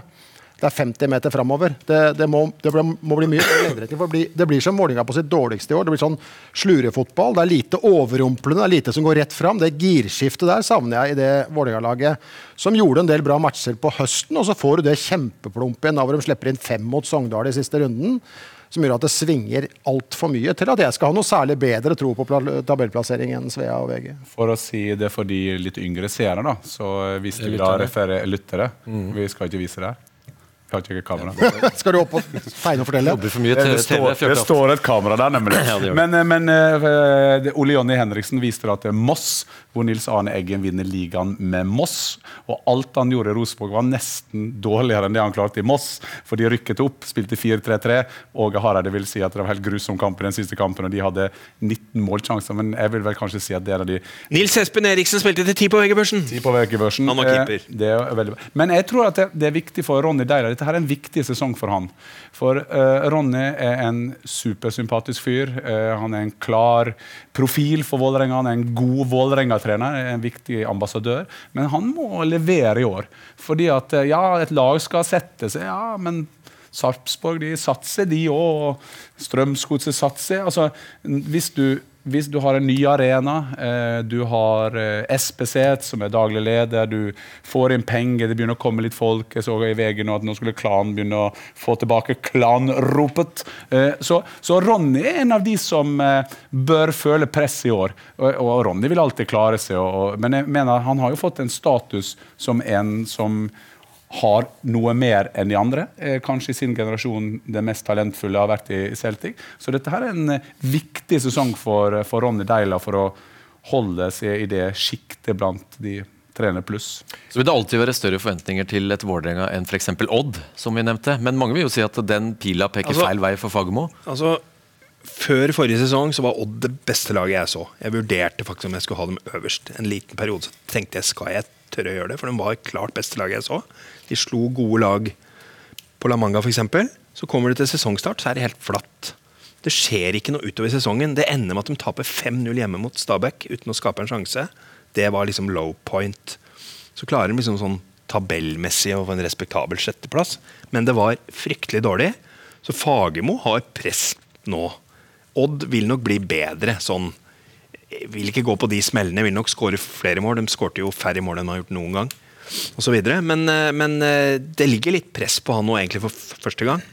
Men kan det være at eh, Fagermo Vi ser jo dette her hvis eh, Det er jo noe med for det første at du har vært der i lang tid. Eh, og det kan godt hende du. Du har vært der i ti år. altså, det er jo, altså, tre år er jo lenge nå, snart når du er trener. At på et eller annet tidspunkt så slutter du å lytte. Altså, du lar det bare gå forbi. Uh, og jeg tror at det, eh, det må kanskje Fagermo det er på tide å, å go on. Kanskje det er for, for mange. Jeg tror det at det, hvis du skal Nå dra har han akkurat, akkurat skrevet ny kontrakt. da. ja, da- ja da, men jeg, jeg bare Det er sier et stykke papir fortsatt. med move on, men jeg tror for eksempel, nå, Vi skal ikke vise til mye for referanse internasjonalt hele tiden, men jeg tror at den tendensen vi kommer til å se internasjonalt, er at trenere kommer til å være toppen to-tre år. Eh, og så må du. Ja, og da må du eh, ha det støtteapparatet rundt en toppklubb. da, eh, Watford er jo sånn. Altså, de sier Det er mye viktig at vi har en sterk sportsdirektør eller en som i styret kan være ansvarlig for sport, og så får vi heller bytte de trenerne. Fordi, men det er klart, i, i Odd er jo ekstremt. det her er jo den tyske modellen. Ja. Ja. De har jo hatt den, og så har de skifta ut han. Ja. Bengt, Nils Arne Eggen satt i noen år, han òg. Altså, men jeg, jeg har tenkt litt på det Odd-laget i fjor. 4-3-3. Og når jeg hører folk er 4-3-3-mann, så tenker jeg Er du ikke fotballmann, da? Uh, Bør den, midt, den midten til Rosenborg med Sverre Brandhaug spilte med en snudd trekant. Så på kom Ben Skammelshus, så snudde de trekantene, for han var en annen type. Din venn Gøran Sørloth var en annen type spiss enn Harald Martin Brattbakk. Altså, du må tenke liksom, jeg satt og tenkte De på var det- like. Nei, det var ikke det. det. Var ikke like i det hele tatt. Og så setter jeg tenker på det Odd-laget i fjor som sleit med å score. Hadde til og med en midtstopper som scoret, var toppskårer med tre baklengs. Så tenker jeg kunne det tenkes at du skulle spilt med en skeiv treer der framme? Kunne det tenkes at du skulle spilt med fire på midten og to der framme, så Ocean eller Haus og Haugen fikk litt tettere hjelp? Altså, Den type takegang syns jeg var helt fraværende i Odd i fjor, når det lugga så fryktelig lenge. Ja, Han er sikker på at det skal spilles. Ja, og det fine med det er at det er jo klink konservativ. Jeg vil jo helst ikke bytte ut en spiller, og vil helst spille på samme måten hver gang. Men på et eller annet tidspunkt så må du stoppe opp og si vet du hva, akkurat i år så har jeg ikke de Ja, men selv Guardiola, som blir holdt for å være ypperpresten blant folk som eh, diskuterer strategi Nå, Husker jo da mot slutten i Barcelona, når alle var så sure for at alle skulle tres inn i midten. Vi holdt på å bli gal. Bratseth fikk jo allergiske utslett i studio av det der. Så kommer han til Bayern. Det glemmer folk når de forteller historier om Guardiola. Da begynte han å spille med vinger. Da spilte han med Robben og Ribberi. Han gjør jo Ja, han hele tiden, Men, han hele tiden. men han har Det er noen ting som er likt. Det er det derre massive presset. Og så er det det der å skape en liten, men sterk spillerstall. Han vil jo ikke ha med en 16-17 mann, egentlig. vet du. Også, ja, ikke sant? Og så er jeg veldig lei av å høre dette at det er en 4-3-3-mann. Er en ditt, Ja, det er jo helt håpløst. Og så begynner kampen. Når er det i løpet av kampen det er 4-3-3? Jo, det er hvis alle er disiplinerte når det tas avspark. Jo, men i. I jobbintervjuene i, til, erstatteren til Lars Bohin i Sandefjord, så fikk jo kandidatene spørsmål om du, om du ville akseptere å spille 3-5-2. Ja, Det er et tallsystem. altså. Det forteller meg ingenting. Han har holdt på med dette i Det er jo helt opp til hva du har av spillere, det. Eller Jo, men, sp- men, men Spilleprinsipper må jo ligge i bånn her. ikke sant? Skal du fort fram, eller skal du holde mest i altså alt mulig sånt. Men, men om du stabler dem opp 3-5-2 eller 4-4 Det Nei, men driter jeg vel i. Det er jo helt meningsløst. ha det. altså Rosenborg også prøvde med det der, ha 4-3-3 i Styr- stad. Gjorde den jo om da til å være offensiv fotball. Men det var jo rørende Rosenborg. for det, dette har jo Rosenborg Kåre Ingebrigtsen er en lur fyr. Kåre Ingebrigtsen han ringer Nils Arne Eggen i ny og ne. Lærer av han det han skal lære. Nils kommer med sin inngang Altså, han har vært lur. Mens Rosenborg, kommentar. Ja, ingen kommentar, ja. Men så, og så har vi da Rosenborg også. Dette er også Rosenborg. Det er medlemsstyrt eh, organisasjon. Og så står de altså og diskuterer strategi og tall på årsmøtet. Og jeg, og jeg er veldig stor fan av Arve Tellefsen. Men altså, jeg kan rett og slett ikke sitte på årsmøte i Kammermusikkfestivalen og så si at du skal Har de årsmøte? Ja, ja, altså, Jo, det hadde du takka ja til. Det hadde du Ja, sagt men, eh, men, men skal du spille sånn, eller skal du spille Ja, det er så deilig, da. Det her Fotballen er eh, unik. Vi får alle, Ja, men, det er helt, med men det er helt fantastisk. Men du kan tenke deg hvis at Guardiola kommer til City, og så sier de «Øh, Du lenge. Du må vente til årsmøtet, så finner du ut hvor vi spiller! Ikke sant? Ok. Det er jo ingen som gjør det. Mine herrer, et eh, brått, akutt temaskifte her nå fra Tellefsen og uh, War? tallkombinasjoner. War. Det er omtrent det. VAR, vi nevnte det. Make love, no eh, VAR. Fordi Fifa har jo da gjort et eh, historisk eh, vedtak. Nå er det innført i regelverket. Og så skal Fifa 16. mars avgjøre om de skal ta i bruk eh, VAR i VM. Men det er jo tatt i bruk allerede. Tyskland, Italia og etter hvert eh, England. Og det er jo da begrensa til fire områder. Mål, straffer, røde kort og når en spiller eh, Når feil spiller blir idømt Det eh, det, kort. og det har det blitt nå. Det har det blitt nå. Fordi at det, det som har skjedd, Hvis jeg kan, du kan innlede på det, så i Tyskland har de gjort det. Og eh, jeg, jeg skriver for en avis i England som heter Metro, og der skriver jeg om eh, tysk eh, fotball. Og da var overskriften de hadde laget sånn, "N- n- when, when they can't even fix it in Germany, var overskriften. Altså I Tyskland så er dette diskusjon hver runde. De klarte altså å gi sparken til han som ansvarlig eh, sånn skjønn over, over presten. Og en som heter Krog. For han var Schalke-supporter, så de trodde at han satt og sa nei, gi beskjed om at det er straffe. oh, sånn, sånn. Det som jeg tror Jeg mener målteknologi helt fantastisk. Jeg syns røde kort, falsk identitet, helt topp. Det siste, penalty kicks, kan diskuteres. Jeg satt og så FA-cupen mellom eh, Liverpool og West Bromwich Albion. Jeg forstår ikke hvordan en eller annen fyr som sitter og ser på video, kan mer bedømme om Salah skulle hatt straffe eller ikke. For det, det var en sånn avgjørelse. Han hadde ikke kommet på ballen, osv. Og litt det samme med Tottenham, mitt lag der og i, i Ja, FA-cupen. og, og så det på neste. Og så er det kommunikasjon, hvordan dette blir kommunisert. For at Hvis vi sammenligner med amerikansk idrett, der er det stopp hele tiden. Men De skal ha en reklame. Ja, de skal ha en reklame. Men altså, også på Anfield, når han der dommeren, han dommeren som var helt overarbeid og jeg tar ikke dommeren, altså. Der plutselig sto han midt på, og så laga han sånn firkant. Og så sto spilleren rundt. Er det mål eller ikke mål? Kan vi juble? Kan vi ikke juble? Det tar bort flyten. Jeg mener at VAR, og det har det blitt nå, så er det ikke vits å diskutere med, det har kommet for å bli, men måten vi utbroderer det i kampene, må uh, gjøres noe med. Og tenk hvis det kommer i VM. Det kan du tenke deg en, en skandinavisk dommer som innrømmer ok, jeg gjorde feil. Det er jo en del norske dommere som ikke gjør det, men det ikke så mange norske dommere i VM heller. Eh, så- og så er det en spanjol da, som skal bli fortalt av en som sitter på et videorom. Han kommer til å gå motsatt. så jeg, jeg vil ikke at skjønnsvurderingen skal tas inn på et annet rom. Jeg vil ha de konkrete tingene. Svea, din mening? Det tar for lang tid. altså Du må få lov å juble. Jeg må tilbake til Frode Estil, altså, som fikk uh, gullmedaljen fra Salt Lake Posten. Men han fikk ikke lov å juble når han egentlig hadde vunnet. Sånn er det litt her òg. Du må liksom stå og vente. Kan jeg juble? Og da forsvinner spontaniteten. Så skjønner jeg da at det kan gå utover noen ting som egentlig er feil, men vi må beholde noe av det. Altså selvfølgelig, altså Målteknologi, om det er scoring eller ikke, det burde vært innført i 1967. Det er vi enige om. Etter 66. Etter 66, da det var den første diskusjonen om det, som jeg i hvert fall har lest. Men utenom det så er jeg veldig usikker på om jeg ville hatt noe av det i det hele tatt. Jeg skjønner at det er veldig fristende, for at det, det blir mer riktig, men blir det mer riktig? Men hvis er du har du vist sikker? ut eh, Bengt, for eksempel, hvis du har vist ut feil spiller, og så viser bildene at uh, her skulle rødkortet vært gitt til en annen, er ikke det Ja, greit nei, men det er, eh, det er jo feil, åpenbart. Men jeg er ikke sikker på om vi ser helt rekkevidden av dette. For det første, han dommeren som nå har vært alene sammen med sine assistenter i alle år og vært suverene, han eh, Spole litt tilbake da vi snakka om midtstoppere. Vi hadde mange gode midtstoppere. Men så ble soneforsvaret vårt eh, omtolka til et ansvarsfraskrivelsesforsvar. For vi hadde jo alltid en annen forsvarer, så det var ikke så nøye hvordan førsteforsvareren gjorde det. Og så ble de sløvere hele bunten, og så hadde vi ikke forsvarsspillere til slutt. Og så blir det her også. Dommeren som vet at det sitter noen folk oppe på et kontor som kan overprøve den, blir ikke han sløvere? Eller viss Og hva gjør- Eller mer ja, mer usikker. Ja. Og hva, og hva gjør vi med Stole mindre på sine egne ja, men hør nå, hva gjør, med, hva gjør vi med det innlegget som kommer forut for for dette straffesparket. Hvis den ballen var ute, skal vi da ikke ta det? Jeg tror vi kommer, Hvis vi etablerer dette her, så tror jeg vi kommer til den store jakten på millimeterrettferdighet, som vi aldri kan oppnå hvis dette fortsatt skal være litt spontant og leve der og da. Så målteknologi, ja det er jo helt åpenbart. Da jeg var liten gutt på Jordal Amfi, så satt jo en gammel mann og røyka, og dro jeg bjelle så den ryste rødt for å se om den pucken var inne eller ute. Det syns jeg er helt logisk. Det har det vært bestandig. Ja, det, det det må vi ha i fotball også. Det er det Det er viktigste. viktigste. Vi hadde 66-finalen, vi hadde et VM her hvor var det Lampard som skåra. Tyskland. Ballen var tre meter inne. Vi hadde, vi hadde Schmeichel som måtte grave ut ballen fra mål, som heller ikke ble dømt mål. Det er åpenbart feil. Det var eh, Roy Carroll. Men, men, men uansett da.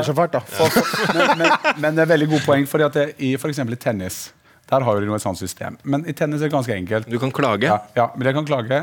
Så det er vel noen som kommer til å si det til slutt òg. At skal, treneren skal få lov å klage tre ganger. Ja. Kan ikke ta den der håndballgreiene da, men, men, sånn men tennis er litt forskjellig. Det, for jeg ser at de viser til tennis. Thomas Muster, østerriksk nummer én, han sa det. Jeg har ett mål i tennis, det er å vinne siste ball. Det er ganske dypt mål. for i tennis, du, Da vinner du kampen. Men det som er i fotball, er at et feil innkast kan avgjøre en fotballkamp. Fordi at Hvis den går ut, og så skal det være den veien, men så dømmer dommeren din, tar et ras, så vinner du. kan vinne VM-finalen på det. Sant? Det er veldig viktig. Og så er det en ting til jeg ser, som jeg understreker igjen. Jeg mener at det, det var systemet. Mye bra, og det er kommet for å bli. Men, men eksempel på Anfield, der, der skulle det vært lagt ned, og det gjorde vi helt bevisst i TV. vi spilte det av, Der skulle det vært lagt til ni minutter. Ja, helt riktig. Eh, der ble det lagt til fire minutter. Og da vil tilhengerne av VAR si nei, kampene blir ikke så særlig lenge. Nei, selvsagt ikke, for de legger jo ikke til. Nei, De må jo legge til all den tida som han står der og kikker og venter, og alle står og tar seg en røyk snart. Og, men, men det er får, ikke unna. har, har vi da lenger det spillet vi har hatt bestandig? Uh, hvis vi skal begynne med dette her? Nei, det er litt som podkasten nå, for nå viser kampuret 60 minutter. Og som du er inne på i forhold til reell overtid her, så er vi på 60 minutters omganger. Vi må opp i 120 minutters kamper. Det er bare å innlemme Straffekonka. ekstra. Ja, ikke sant? Ja, men, men eh, bare helt, det, si- det siste jeg vil si om VAR, for å ta tak i det og understreke det poenget du sier er tenkt det er jo det at det, fotballen er verdens mest populære idrett pga. at det, reglene har stort sett vært like siden de begynte Sheffield FC en gang i 1860 eller noe sånt. Og, og det at gurs, Gursken kommer aldri til å, til å få VAR. Og Det blir ikke noe VAR der. Nei, det blir, og det er ikke sikkert det blir i, i, eh, i førstedivisjon i Norge heller. Nei. Vi har, ikke, vi har ikke penger til det, så, så da driver vi med flere idretter eh, innen samme Så har du har her. kunstgress, du har VAR, og du har så mye styr. Og til de som hører på og lurer på får vi var i uh, Eliteserien uh, kjapt, så tok jeg en telefon til kollega Fiskekjønn, som da starta med å svare at systemet koster 3 millioner per eh, arena. Det er sikkert rimeligere måter å, å spille av bilder på, men det, det som er holdningen i Norge, er at man skal skaffe seg mer erfaringer fra hvordan det funker i de store ligaene. Og med tanke på hvordan det har gått i år, så er det vel greit å ikke forhaste seg med VAR. I, eh, Men vi i kan ikke ha så mange lange opphold i en kamp, sånn at folk på en måte altså, Du kan jo gå og lage en kopp kaffe, og, og så komme tilbake og tenke hva faen var det som var stillingen nå? du? Men der er jo løsningen din. Der er jo løsningen din. Du har VAR i mars, og så har du en sånn situasjon, så kan du gå inn og hente deg kakao, og du kan komme ut igjen og kose deg. Nei, men jeg, jeg bare jeg, Spontanitet i idrett skal du ikke undervurdere, altså. Det er, hvis den blir ødelagt, så blir veldig mye ødelagt. Men kanskje, kanskje arbeidsgiveren din, eh, Bengt, du jobber jo TV. Her er det jo nye reklamemuligheter. Ja, men det at jeg jobber for TV, var en spøk, altså. Det betyr jo ikke at jeg, når jeg ligger hjemme og ser på jeg vil, jeg vil jo ikke, Vi snakka om eh, heimebane her eh, til å begynne med. Jeg ville jo ikke hatt sju reklamebrekk inn i den heimebanen, for da hadde jeg jo ikke sett på de to episodene i fjor, eller i går antagelig. Eh, men jeg skjønner jo at penga renner inn. Men da, hvis, hvis, hvis, det ba, hvis penger er det eneste, da er jeg ikke sikker på Nei, men om Amerikanerne el elsker jo det her. Stopp i spill i amerikansk oh, ja. fotball, f.eks. Faen, jeg husker jeg var der et år og skulle prøve å se på en amerikansk fotballkamp. Jeg ga opp etter 20 minutter. Jeg. Da hadde det vært tolv reklamepauser. Mye popkorn og mye Og jeg gikk opp på den andre ja, da- kanalen, så var det en film, så så jeg på den i to minutter, så var det reklame. Bare tenkte jeg nei, av. Hold deg til norsk og internasjonal vanlig ball, du, Svea. Jeg skal gjøre det. Jeg Svea begynner å glede seg til marskampene nå. altså. Jeg syns ikke kinoopplevelsen i Belgia var den helt store. Vi lå på treningsleir med Ålinga i Antwerpen. Og så tenkte vi skulle gå og se to timer som du var på kino i Antwerpen. Jo, vi var det! Vålerenga. Ja, men jeg var der så mange ganger Vålerenga Antwerpen, på treningsleir i Antwerpen. Jo, men jeg var der så mange ganger at vi rakk å gå på kino også. Det var jo en halvtime film, og så var det jo skjenk i to timer. Og det tok jo fem timer, den forestillingen. som Du var ikke på kino, Bengt. Jo, jeg var det. Poenget var at Vålerenga-Antwerpen kino Det er minst det er én feil i, i den. Men ok, vi lar det ligge. Vi eh, er godt på overtid, men vi skulle ta et lite sveip med våre gutter ute. Hvordan det står til. Nå tenker jeg på Sørloth, King, Ayer, andre. For at det er to landskamper i mars òg. Australia hjemme og Albania borte. Ikke mange dager unna. Sørloth først. Premier League, hva syns du om oppstarten? Svea? Eh, der alfabetisk der når jeg skulle finne motstanderne. At jeg tok to på A. Ja, ja, Skal vi vi gjorde gå nedover, så det blir Vi gjorde det veldig enkelt. gang. Vatikanet kommer i desember. Vurderte Australia borte òg, for å få en, få en smooth reise. Nei, det var, var slemt. Men eh, ja, Sørloth. Palace, hva syns du om oppstarten? Litt tidlig å si. Han har spilt litt out of position, etter min mening. Han er jo en typisk midtspiss. Mm. Han også brukes på en kant, da, da ender vi på som sånn, eh, sånn her Bastard-løsning igjen. Men jeg, jeg liker ikke det. Jeg liker ikke spillere ute av posisjon. Jeg lik, lik, likte ikke det under Egil og Nils Johan Semmo. Bengt? Nei, jeg, jeg syns det er morsomt for ham. Men, men umiddelbart så tenkte jeg da overgangen var et faktum, at vi må skille på hva en, en, en mann her i verden er villig til å betale for unge Sørloth, og det vi skal legge på ham. For han jekkes ikke opp ti hakk for det om noen betaler 150 millioner for ham, eller hva det var for noe. Ikke, Og ikke hvis, den ligaen der. Og hvis han ikke i tillegg spiller Nå, nå skal Crystal Palace møte ManU i dag. Det, Han kommer til å skåre, vet du. sånn de jo men, men, men det er fint. Men jeg er, jeg er, jeg er mest Jeg syns han hadde en fin, uh, fine inntredener på, på landslaget. Virka som en, virka som en uh, type som tok for seg. Og, og jeg, jeg, likte det jeg så. Men, men jeg, jeg, må liksom, jeg, hopper litt over han og, og løper rett på Ayer, for det er det vi skriker etter. Uh, en midtstopper som er da i. Leder. Leder, ikke minst. Uh. Som er det det norske landslaget trenger mer enn om vi skal velge mellom King, eh, Søderlund eller en Sørloth. Uh, men jeg, jeg håper at han gjør det bra og lykkes, men jeg ser at Jan Åge fallhøyden er stor. Premier League. Ja, også, også, men, men jeg tror jeg, jeg er sånn ganske avventende til det. For at jeg tenker at det, det er utrolig viktig for norsk fotball at vi får en Alexander Sørloth til Premier League. Det er utrolig viktig for de som skal se at det er mulig. Og det kunne ikke treffe en bedre fyr. En utrolig bra kar med gode Absolutt. holdninger. Men det sier jo litt også om norsk presse da, at eh, vi laga en helside i VG eller hvilken avis det var, om at han hadde, var, var god i en sånn skulderduell. Altså, han, Nei, vi har- vi har hatt lite og... han, og vi har, ja, men det, og det er poenget mitt. At han var så sterk mot en Tottenham-spiller at han dytta han unna. Eh, så, så jeg tror at norsk eh, fotball skriker etter personlighetene.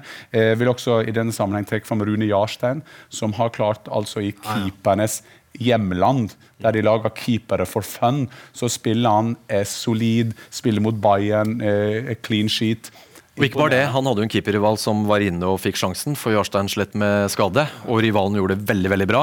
Vinner tilbake. Ja. Clean sheet mot, mot Ja, Bayern. nei, altså han, og det, Jeg er så glad for at han lykkes. Ja. Han, er- jeg har liksom fulgt han siden han var ganske ung, og sett alle problemene han har hatt med temperamentet sitt og litt tabber. Men jeg har sett at det har vært noe veldig veldig bra der. Og nå har han på en måte fått den roen og fått ut. og Det er så gøy å se. altså. Og var i endring hele tiden. Men, men bare til det du sa om å få norske spillere eksempelvis til Premier League er bra, men, men skal vi ikke være litt mer grådige om som så? For hvis han blir feilplassert, eller hvis han blir benka, så er det ikke så bra lenger. For da er det jo bedre at han spiller bra fotball et, men jeg, tror, ja, nei, jeg, ser poenget Det er likevel viktig at vi, vi av og til ser at det er mulig å gå hele veien. Jeg, jeg er jo en av de som mener at det er lov å drømme. Eh, Det er mange som, eh, av mine spillerkollegaer som, eller folk som prater som sier at vi må glemme drømmen, vi må være realistiske. At det det er Antwerpen og Lüttich eller Liège som er liksom målet. Nei, målet må være å spille blant de beste. Målet må være å spille landskamper og, og, og, og, og overleve mot de beste midtstopperne i verden. Så får vi heller ta det at du feiler innimellom. Jeg er helt sikker på at Sørloth kommer til å Jeg så Erik Thorstvedt i dag, mandag, sa det at det er veldig vanskelig å skåre i Premier League. Ja, det er veldig vanskelig å skåre i. i Ikke på han, da. Spør Nigel ja, ja. Oi, oi, oi, Tjik. Jeg er Tottenham-fan. Det var en grusom, eh, Ja, det grusom dag. Men uh, hvis du tar King, da, så er det klart at han, selv om han ikke har skåra så mange mål denne sesongen, han har vært litt skada, så ser du at han har den selvtilliten. Han er liksom litt sånn kap, blitt nesten sånn kapteinstype der. Og et viktig poeng, han- han har, han har fire mål, men han har en ny rolle i år. enn i fjor. Assister, han tar straffespark, han virker uberørt av føss rundt seg. Han, eh, på meg så virker så, så har vi altså Vi har King og vi har Jarstein. Vi har én i hver ende.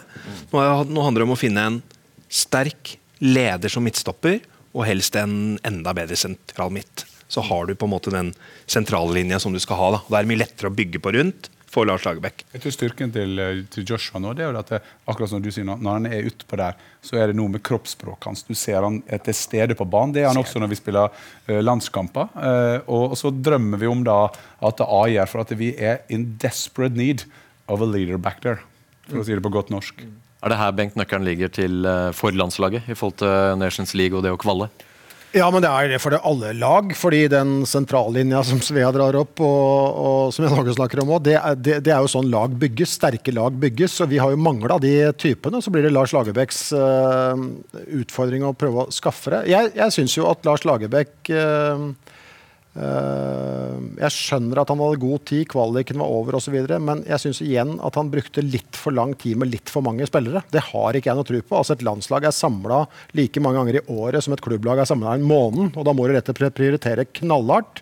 Jeg syns Per-Mathias bytta altfor mye. Jeg syns Lars Lagerbäck har slurva litt med tida, men nå har han funnet en grunnstamme. Og så må man prøve å drille den. Og Nations League er jo fint i den forstand at helt tilbake til Jan Åges dager så var det bortimot meningsløst å få noe ut av privatlandskamper. For det er liksom å Ja ja, så må jeg hjem til Norge da, og så spille den kampen. Og det gir jo null, det gir jo null for landslagssjefen. Nå skal vi i hvert fall spille om noe som teller. Og det gir landslagssjefen bedre kår, og de spillere bedre kår. For de, her må de faktisk prestere litt. Det er ikke bare et hvileskjær hjem. Og jeg bebreider dere ikke, men sånn det har vært, det har vært landslagssjefens øh, en verkebyll for han i mange år. Så bra at vi har fått en liga hvor det fortsatt er noe som er up for grabs. Og så har jo Lagerbäck i vår podkast sagt nettopp det du er inne på, at eh, nå blir det færre spillere. En stamme som han kommer til å dyrke. 13. mars så tar han ut Så han eh, har jo hatt det evinnelige problemet. Det er for mange spillere som er omtrent like gode, men som ikke er ordentlig gode nok. Det er en sånn en horde på du kan ta 20 mann, Jeg tror du skal opp i som 30. er, eller kanskje det, og, som er helt ok, men det skiller så lite. Så tenker du ja, men jeg vil ha lyst til å se han nå. Tar med Pål eh, Kirkevold, ikke sant? Godt poeng. Skåra vel ikke et mål etter at han var innom her. Jeg tror, jeg tror det. Altså, det, det, det er- det handler om i både Eliteserien og det handler om på landslaget, det er at vi må, vi må se de store bildene og vi må hente referanse for hva som er good. Uh, altså hva som er best. Uh, og, jeg, og jeg tror det at det, det vil jeg håpe nå når vi kommer inn i, i denne sesongen når vi skal følge Eliteserien, som vi gleder oss til. Det er lokal identitet. Det er, det er alt det vi har. Men så lenge vi rundt bordet her lever, så er det en stor sjanse for at et norsk lag kommer til å vinne Eliteserien. Det vil jeg tro. I fall, jo, men jeg, jeg, jeg, er kanskje tøft å Sannsynligvis ikke Det er litt vovet. Det er litt ja, det er litt for tøft å si det, men det betyr, at det, det betyr at det er ikke nok å ta to overstegsfinte i første seriekampen, og så sier de at han skal skyte Norge til EM. Vi må nødt til å, å, å se, og det er derfor det at eh, Europa skal ikke undervurderes eh, nok. fordi at Vi mangler jo enerne. vi mangler enerne i, i norsk liga. og da må ikke vi, altså Hvis du slår to gode cornere, så skal du inn til Lars Lagerbäck.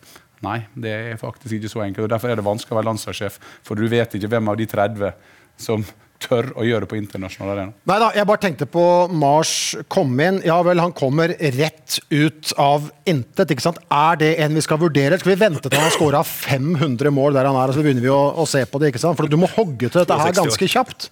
Og, og det Åge nevner med, med at Eliteserien Men jeg tror dette, dette, er, vår, dette er vår liga. Eh, og så kan vi bli enige om at det er variabel kvalitet der, men den dagen vi begynner å disse vår egen liga, da er iallfall alt håp ute. For at hvis vi bare kan sykle på trehjulssykkel, så får vi gjøre alt at vi kan gå over på tohjul, da. Og Det er nesten sånn, det er jo sånn idrettsfolk holder på. Vi, vi driver ikke, legger oss ikke ned og griner eller disser hverandre. Vi, vi, vi prøver å hjelpe hverandre for å bli bedre. Og at vi må bli bedre, det er jo ingen tvil om. Og når fotballpamper, eller IOC-pamper of this world, sitter og prater om idrettsfamilien og fotballfamilien, så er det like før jeg spyr. Men akkurat det Hørt på fotballtinget her, ja, nei, men det, men det vi kan bli enige om, det jeg tror jeg er et bra avslutningsord. Det er det at Nå begynner serien. Da må vi i Norge støtte hverandre. Hvordan skal vi utvikle spillere? Hvordan skal vi få fram de? Og Da er sluttproduktet landslaget. Der kommer de inn. Og vi er utrolig glad hvis Rosenborg går videre. Og jeg er LSK-fan og håper Rosenborg taper hver eneste gang i forhold til eh, nei, eh, i Lillestrøm. Men uansett, der, jeg, der er Norge så lite at det, nå sitter Bengt der, som skal sitte liksom, og analysere det her og skal finne feilene. Men han drømmer jo om om at vi skal være gode. Og, og, og Svegården, hvis at han ser et lag som han er tipper på niende, har en fantastisk sesong og tar sølv, så blir han glad. Nei, du blir glad. Jeg vet, selvfølgelig blir jeg glad. Men du. Bengt, eh, Svea Jan Åge, vi har satt en solid podballrekord. Hva tror du den handler om, Jan Åge? Den handler om at det har vært Fergie-tid, men det har vært mye var, og derfor måtte vi legge til. Ja. Og jeg håper de som har Mye hørt på, syns det var greit. Mye var. 1.12,30 viser uret. Det er ny rekord, men ingenting er hyggeligere. Det vitner om et uh, bra engasjement. det ikke etter ny rekord, det er bare rekord. Det er riktig. Ja, og mens du er inne på det, så kan du slutte å skrive forhåndstips, for det tips kommer gjerne på forhånd. Så Og så kan vi slutte, og så kan vi slutte å si at ver, verdens eldste mann er død. Han dør aldri. Kort til slutt, Bengt, hvilken match skal du på? I dag skal jeg opp og se på Lillestrøm-Rosenborg, som skulle vært mesterfinale, så er det en treningskamp. Eh, til helga, ja, og til helga skal jeg sitte i studio og følge runden, men jeg skal få med meg Ranheim Brann på lørdag. Svea, hvor går din ferd? Jeg har ikke bestemt ennå, men jeg har bedt om eh, Ranheim på lørdag og en eller annen kamp på Østlandet. Ja. Ja, Det, er, det er det jeg har spurt om, men jeg har ikke fått noe svar ennå. For det har ikke blitt sånn. Jeg også har spurt om å få ta en kamp på Østlandet, og det regner jeg med for. Det får du innvilga. Og jeg og Jan Åge, til dere som hører på, vi skal til Lillestrøm, eh, ikke for å se på kamp, men for å spille inn neste podballepisode. Det er Akershus uh, fotballkrets og lokale klubber som har invitert oss. Vi skal snakke om uh, spillerutvikling og mye annet. Så det gleder vi oss eh, til. Men eh, denne episoden er historie. Takk til Bengt, Svea, Jan Åge. Og så ønsker vi alle som hører på, riktig god seriestart. Og lykke til med høstsesongen. Nettopp. Og, vinter, og vintersesongen.